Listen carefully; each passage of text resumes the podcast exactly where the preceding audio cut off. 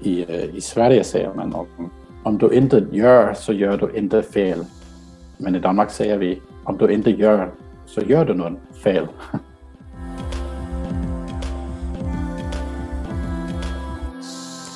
Välkomna till RFSUs poddserie om det nya idéprogrammet. Jag heter Anders Gröder och arbetar med ett samarbete mellan RFSU och Funktionsrätt Sverige och jag kommer vara programledare för det här avsnittet. I mitt arbete med politik och påverkan inom RFSU så är vårt idéprogram ofta ett eh, dokument som jag har stor nytta av. Eh, det är ett ankare kan man säga för mig när jag går och möter politiker eller ska diskutera olika intresseavvägningar eh, som vi har internt i organisationen. Min förhoppning är att det här programmet kommer ge oss ännu tydligare svar på alla de krångliga men viktiga avvägningar som, som frågor om sexuell, sexuella och reproduktiva rättigheter innebär.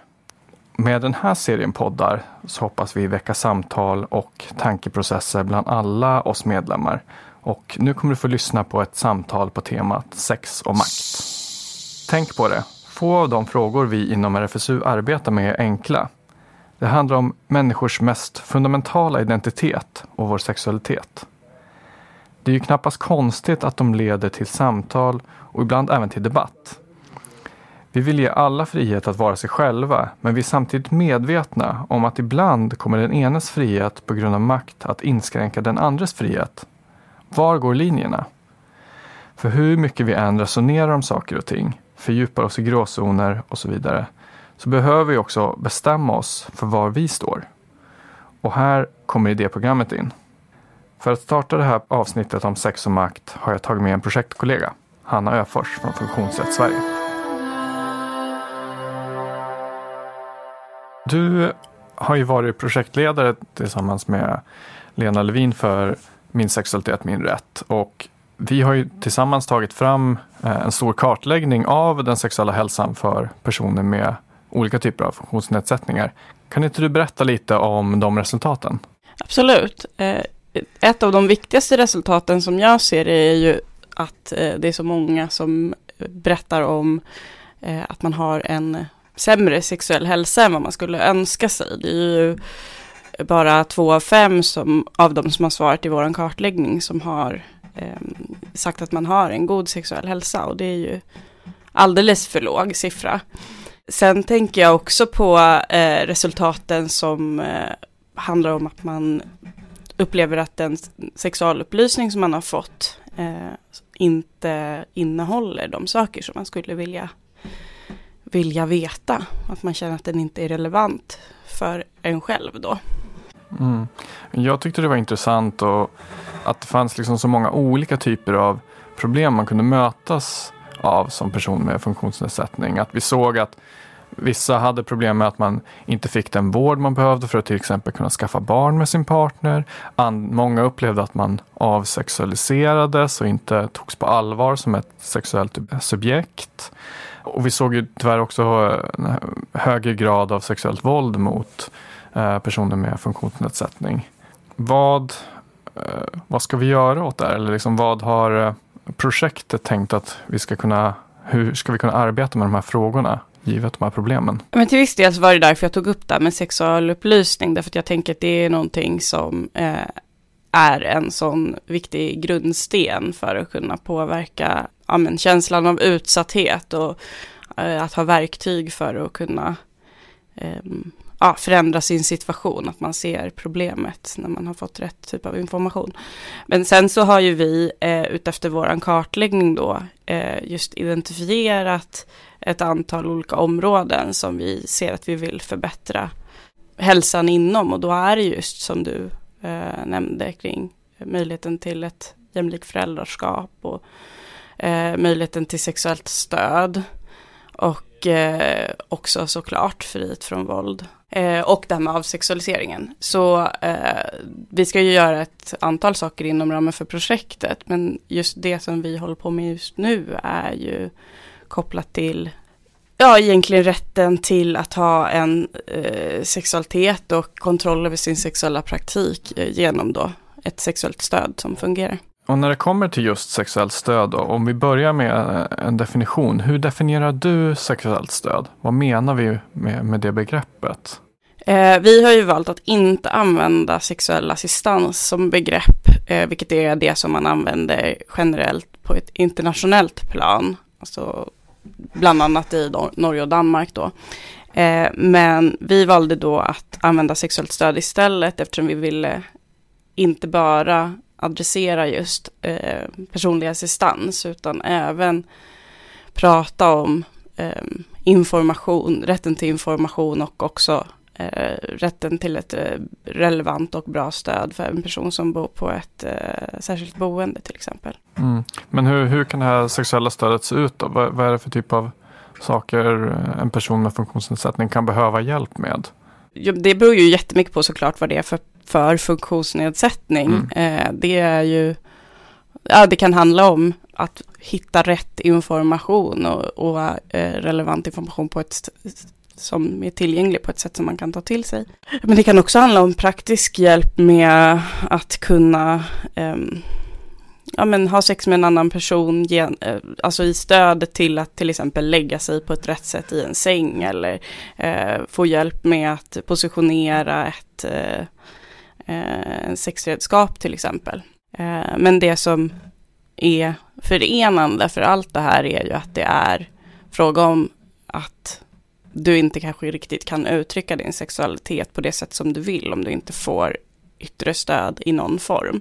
I Sverige så har ju frågan om sexuellt stöd inte varit reglerad i lag hittills. Så, um, det är ju någonting som vi funderar på inom projektet, liksom om det borde vara det eller om man borde ta tag i det på andra sätt och så. Det finns ju både argument för och emot. Men hur, vad kan man säga om de här olika perspektiven? Vad är, liksom, vad är, vad är argumenten för och emot att försöka liksom, eh, reglera det här på olika sätt? Och vad kan man göra om man inte lagstiftar om, om de här frågorna? Det som är avvägningen är ju eh, att ha möjlighet att utkräva sin rätt, för det här det handlar ju om en, eh, en mänsklig rättighet att ha tillgång till sin sexualitet. Och då är ju avvägningen att, att eh, är det inte reglerat i lag så är det svårare att eh, utkräva den rättigheten eh, i praktiken. Men, eh, men å andra sidan då så eh, om det är reglerat i lag så kommer också praktiken i, i värsta fall och möjligheten till praktik styras av fördomar och eh, förutfattade meningar om hur en sexuell praktik ska se ut. Och det i kombination med att personer med funktionsnedsättning ofta avsexualiseras kan ju i sig göra det svårt att själv få styra innehållet. Vi har ju haft en, en dialog med ett antal olika funktionsrättsrörelser kring de här frågorna. Vissa saker verkar ju alla vara överens om. Alla som vi har pratat med har ju varit väldigt positiva till att vi har tagit upp de här frågorna, sagt att det har varit svårt att prata om det här historiskt, att liksom, det känns väldigt viktigt att Eh, den sexu de sexuella rättigheterna äntligen liksom belyses för för personer med funktionsnedsättning. Så det har varit väldigt positivt på så sätt. Men det har också funnits ganska olika uppfattningar kring hur man ska arbeta med frågorna. Ja, precis. Ehm, det är ju just den här eh, funderingen som jag var inne på, den här avvägningen om det ska regleras i lag eller inte, som är eh, det som också funktionsrättsrörelsen i stort det har också historiskt varit lite oense om. Eh, tidigare så har man ju drivit igenom att det inte ska regleras just för att då eh, så försvinner makten ifrån individen i värsta fall. Men att det samtidigt är så att eh, det i dagsläget saknas verktyg för hur man ändå pratar om vad som, vilket stöd som kanske behövs. Och att det finns då vissa röster som säger att man ändå vill eh, underlätta det genom att förändra lagstiftningen. Mm. Och det är ju inte så konstigt tänker jag att, att man har olika uppfattningar i den här frågan. Funktionsrättsrörelsen är ju en väldigt bred och eh, liksom lite spretig rörelse där man kan ha många olika typer av liksom behov eller tankar. Och det ser vi också när det gäller liksom frågan om, om sexuell assistans eh, eller sexuellt stöd. När man tittar på det ur ett maktperspektiv så kan det ju se väldigt olika ut. Det finns ju situationer där brukaren kan ha ganska mycket makt för att man eh, kan påverka. Den personen som ger stödet är ju också beroende av brukaren för, för sitt jobb och, och, och det innebär ju eh, en, en, maktförskjutning. Samtidigt så finns det ju många exempel också där personer kanske har inte, grav intellektuell funktionsnedsättning eller liksom väldigt svåra funktionsnedsättningar som gör att man är helt beroende av, av det stöd man får. Så att det kan, liksom maktförhållandet kan se väldigt olika ut även inom eh, i relationen mellan brukare och person som, person som ger stödet. Precis, det, det har du helt rätt i. Jag tänker att det är viktigt att hålla i minnet här att man brukar säga att det är någonstans mellan 15 och 20 procent av Sveriges befolkning som har någon form av funktionsnedsättning eller kronisk sjukdom. Och med den siffran i minnet så förstår man ju hur heterogen grupp det här mm. är. Men eh, det som ändå återkommer är ju det som du är inne på, relationen mellan eh, den som ger stödet och den som har då eh, behov av stödet. Och det är ju mm. också en väldigt viktig rättighetskrock på något sätt som, som eh, vi vill försöka ja, men ta tag i och på något vis adressera. Vi, mm. vi har väl inte riktigt en ambition om att lösa det eh, problemet eftersom det är så komplext. Men, men vi vill i alla fall lyfta frågan. Mm. Och då kommer vi att göra det nu under våren genom att prata med eh, Kommunal och arbetsgivarorganisationen Främja eh, för att se de här olika perspektiven och hur man kan försöka ta hänsyn till bådas rättigheter i, ett sätt, i en diskussion. Uh, under metoo uh, uppropen så, så fanns det ju också ett upprop bland personliga assistenter. Uh, så vi vet ju att det här är också ett problem som förekommer. Att det går liksom åt båda hållen. Vi vet att det finns brukare som utnyttjas och vi vet att det finns assistenter som, som utnyttjas eller liksom trakasseras på olika sätt. Um, och det, och är, liksom... det är därför det är en viktig diskussion. Exakt. Uh, för att det, um, det, jag tänker att det är omöjligt att undvika att det ibland blir fel såklart. Men man kan ju göra, underlätta mm. uh, för båda parter att inte av misstag göra fel eller utsätta den andra för onödiga eh, påtryckningar eller obehagskänslor eller vad det handlar Precis, om. Precis, och där känner jag att det liksom funnits en svaghet ändå i hur Sverige har arbetat med frågan hittills. Det vill säga man har inte arbetat med frågan. Och det leder ju till ganska mycket av gråzon. Vad får man göra? Hur tar man upp frågor? Mm. Liksom, hur hanterar vi eventuella liksom, konflikter? Samtidigt så eh, den diskussionen om vad får jag göra, vad får jag inte göra, eh, den utgår ju också ifrån den här osäkerheten kring vad är sex när det gäller personer med mm. funktionsnedsättning. Alltså om du behöver hjälp med att förbereda för en onanisession eller om du behöver hjälp med att trä på en kondom när du ska ha sex med en annan person. Är det en sexuell handling då från assistenten? Det kan ju vara väldigt viktigt att behöva prata om hur vi ser till att det inte känns som att man är en del av sexet när man faktiskt inte är en del av själva sexet. Det ska inte behöva vara någon skillnad på att hjälpa någon att duscha och hjälpa någon inför en sexuell aktivitet. Men känslan kan ju bli en annan och då är ju diskussionen som idag har ju eh, alltså många, för att inte säga alla som har ett behov av, sex, eh, av sexuellt stöd på något sätt behöver ju diskutera det här med den som faktiskt utför stödet. Så det görs ju redan, det är ingenting nytt. Det som eh, vi vill göra är väl snarare att lyfta frågan på ett lite högre nivå så att det kan finnas en, en vägledning eller en struktur för hur det här kan göras så att det också under själva diskussionens gång är tydligt vem, vilka rättigheter respektive part har och hur man kan hantera det. Mm, för jag tror att det är miss, en vanlig missuppfattning att eftersom det här inte regleras i lag så finns det inte sexuellt stöd i Sverige idag.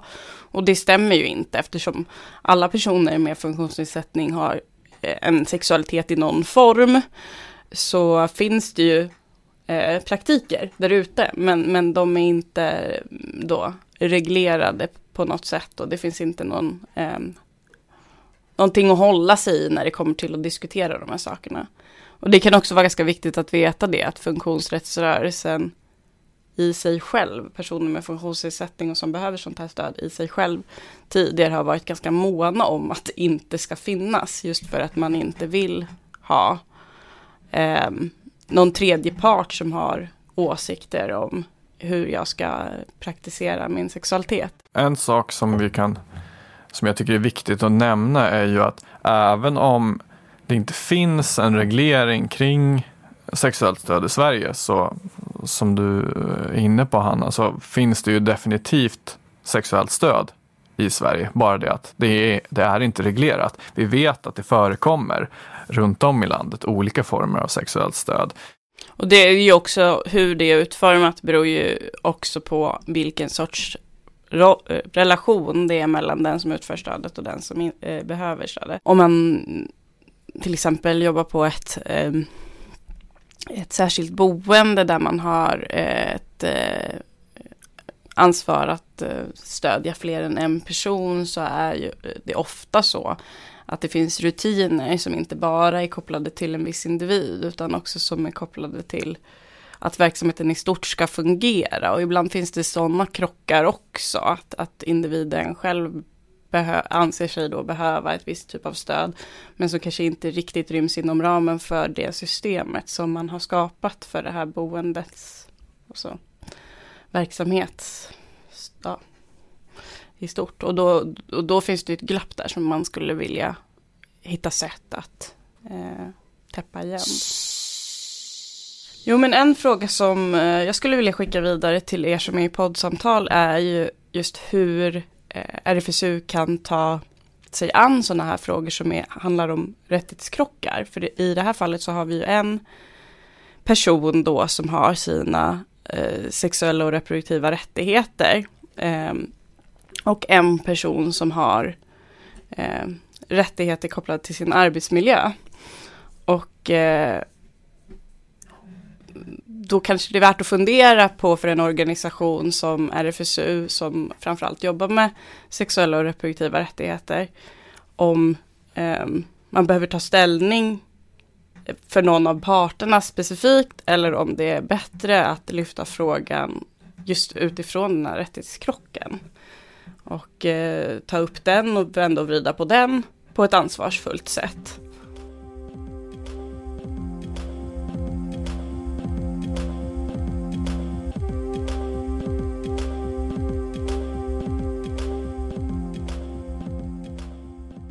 Uh, hej, jeg hedder Kim Steimel Rasmussen. Jeg er uddannelsesleder på den danske uddannelse til seksualvejleder. I Danmark, uh, der har vi uh, myndighederne til at tage stilling til, hvordan uh, assistance skal uh, foregå omkring seksualitet. Der kom i uh, 1989 kom der den første handledning från socialministeriet kring hur ska människor som jobbar med människor med funktionshinder eh, hanterar sexualiteten. Det var väldigt revolutionerande på det sättet eh, att en, den danska socialstyrelsen, det sociala ministerium har tagit ställning till hur ska man göra? För om det inte är någon som har tagit ställning till hur ska man jobba med det här så, eh, så vill många vara i tvivel om om de kan jobba med sexualiteten jag läste en øh, uh, sammanställning mellan øh, Danmark och Sverige på ett, på ett tidspunkt kring øh, uh, sexualitet och funktionshinder. I, I Sverige säger man om, om du inte gör så gör du inte fel. Men i Danmark säger vi om du inte gör så gör du något fel. Fordi om, det, om det kommer en person med funktionshinder till dig du jobbar ett ställe så alltså, jag, har, jag har problem med det här med min sexualitet. Jag vill verkligen jag vill gärna ha en pojkvän eller en flickvän och jag förstår inte vad min kropp, vad den verkar och det med sexualitet. Så måste du hjälpa. Då kan du bara säga, nej det var, det var synd. Gå bort. Eh, du, du måste göra någon, någonting. Och där har vi i Danmark, um, vi har bland annat sexualvägledare eh, och jag är utbildningsledare för den danska sexualvägledarutbildning. Och det är människor som jobbar med människor med funktionshinder. Alltså det vill säga eh, fysiska funktionshinder, intellektuella funktionshinder som utvecklings... Eh, I Danmark säger vi utvecklingshämning, eh, utvecklingshandikapp, autism, ADHD, fysiska funktionshinder som muskelsvinn. Och de här sexuella vägledare. de får en tvåårig øh, utbildning i att assistera omkring sexualiteten. Men det här med assistans, eh, det kan vara genom samtal kring sexualitet. Det kan också vara mer konkret. Eh, det kan vara kring onani eller hur finner man en, en øh, pojkvän eller en flickvän. Eller, men man måste lära hur ens øh, øh, funktionshinder inverkar på sexualiteten. Oavsett om det är en intellektuell funktionshinder med Down syndrom till exempel eller en fysisk funktionshinder med cerebral parese så vill det vara, man vill ha brug för hjälp kring sexualiteten på den ena eller den andra sätt. Alltså det här med, øh, med sexköp och prostitution, det, det blir titt uh, øh, kopplat ihop när, när folk pratar kring uh, funktionshinder och sexualitet. Och jag, det är olika ting att säga om det. Det är att i Danmark där lär vi att man ska alltså uh, göra det mindst indgribende i en persons liv och därför prostitution, det vil være det, det mest indgribende, som du kan, som du kan göra, som du kan hjälpa med. Så du, du måste all, alltid börja med det minsta. Och där vill prostitution alltid vara det största. Om du har en, um, en person som kommer och säger åh, jag vill bara, åh, kan jag inte köpa något sex? Så säger du ja, ja, låt oss finna, dick, dick, dick, dick, dick. vi ringer, vi ringer. Nej, du måste, du måste eh, stoppa upp och du måste ta en prat med den här personen. Vad, vad menar du? Vad, vad, menar du när du säger att jag vill bara köpa sex? Då måste du finna ut att kanske han vill, han vill bara han vill ha en flickvän. Men, men det får du inte om du, om du ringer till sexköp. Det är inte en flickvän, det är något annat. Så, så hur kan vi hjälpa dig med att få en flickvän? Ja, men var, var kan du träffa en? Var den, um, om du går på en dejt eller så du ska kanske ha duschat och då ska de första tänderna och du ska vad sker på en dejt och var kan, du, var kan du träffa någon? För det visar sig att det, det är ytterst sällan att det kommer till sexköp. Det är, som regel är det alltid något annat, men många, många lär, lär den här kopplingen.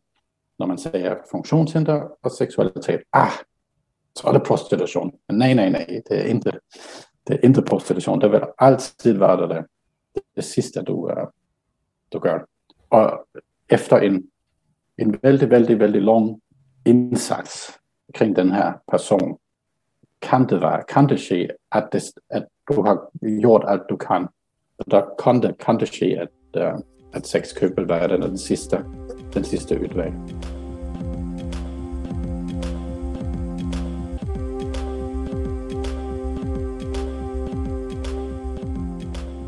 Hej, jag heter Julia Baner och är biträdande lektor vid Socialhögskolan, Lunds universitet.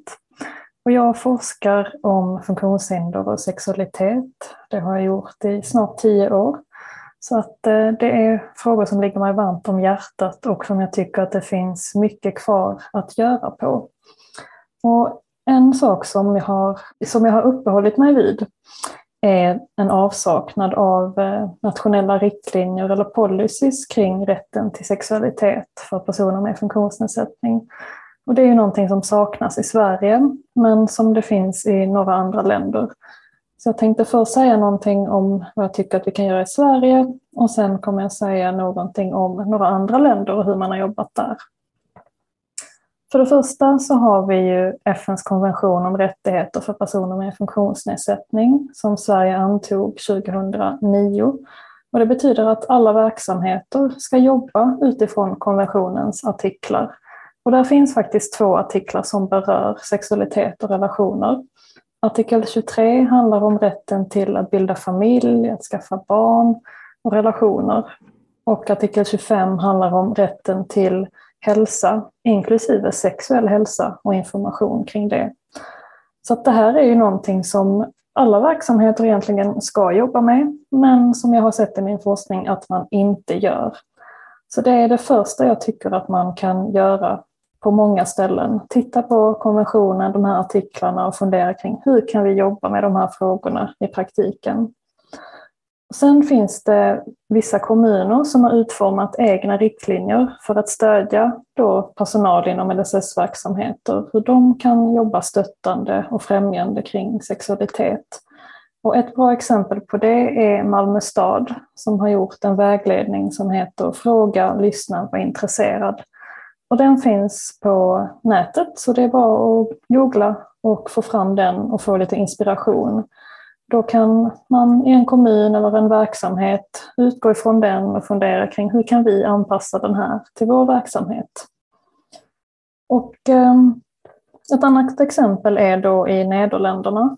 Och där finns inte heller några riktlinjer på nationell nivå. Men däremot så har vissa kommuner tillåtit att när personer med funktionsnedsättning söker olika typer av stöd och de har sagt att jag behöver även stöd kring sexualitet så har de kunnat få ehm, stöd med det helt enkelt. Och då finns det speciella organisationer som jobbar just med den typen av stöd. Och de kallas, lite kontroversiellt i mina öron i alla fall, sexuell omsorgsgivare.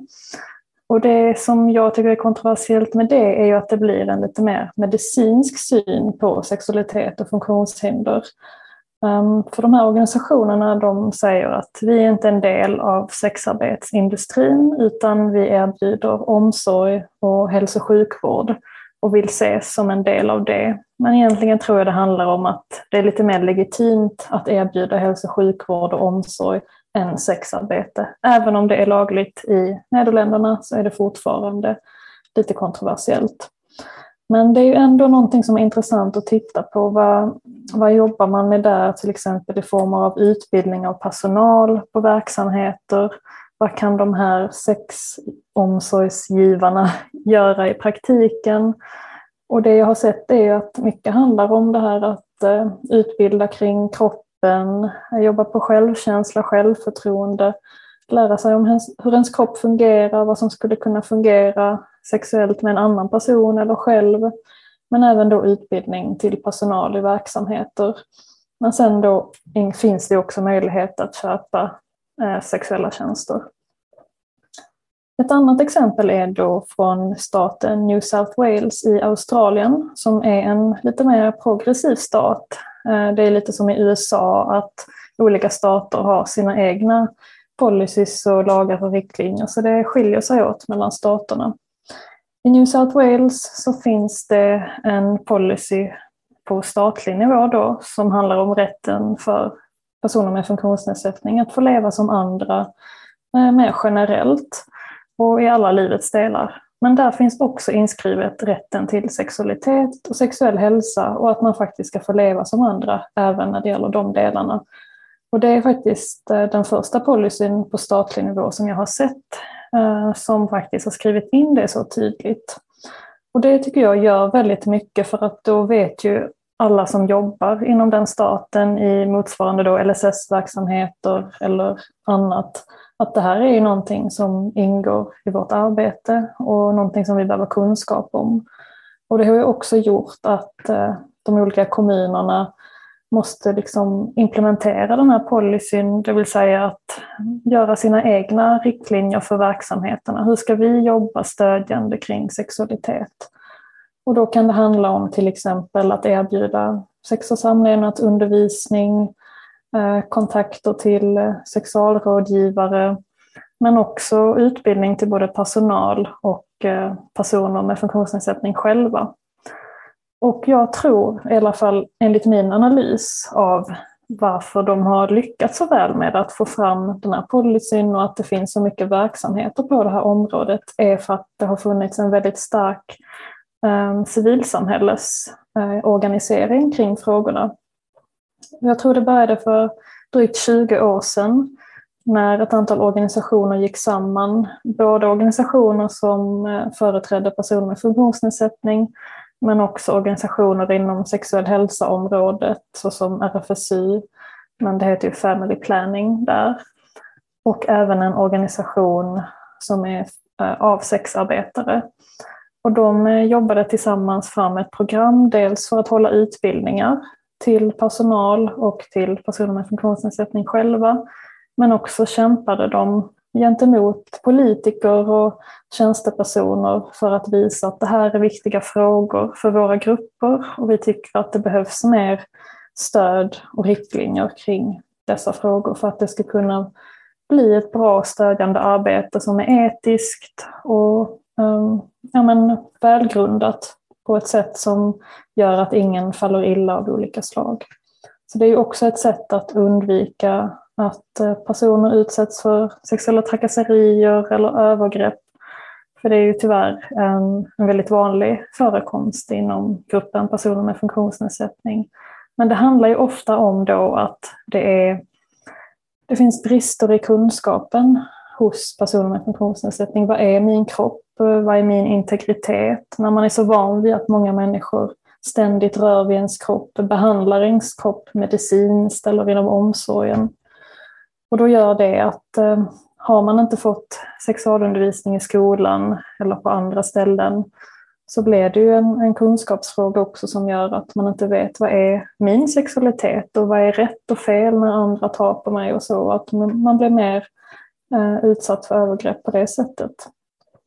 Så att när vi i Sverige så ofta faller in i den här diskussionen om ja, men det, vi kan inte jobba med sexualitet för då finns risken för övergrepp. Då är det egentligen att, att börja i fel ända därför att den risken beror ju i stor, till stor del på att kunskapen saknas, att riktlinjer saknas, att vi inte pratar om de här frågorna. Så att eh, ja, men på frågan vad har makt att göra med sexuella rättigheter så handlar det också om att vissa har tagit sig makten att inte prata om de här frågorna. Och i det vakuumet så uppstår ju väldigt mycket problem och stor osäkerhet, etiska problematiska lösningar liksom som uppstår ad hoc utan någon insyn. Så att jag tycker att man ska använda makten istället för att lyssna på dem som det berör och lyssna på dem som har kunskaper och som har idéer kring hur de här frågorna kan lösas på ett bättre sätt. Vad plockar du upp?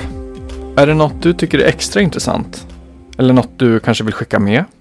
Har du en passande anekdot om dilemmat kring makt? Gå in på rfsu.se och klicka på idéprogrammet. Där hittar du tider där vi arrangerar poddsamtal på temat sex och makt i idéprogrammet.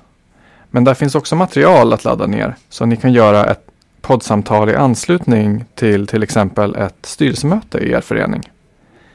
På sidan finns också en länk där du kan lämna din egen eller din förenings inspel till idéprogrammet.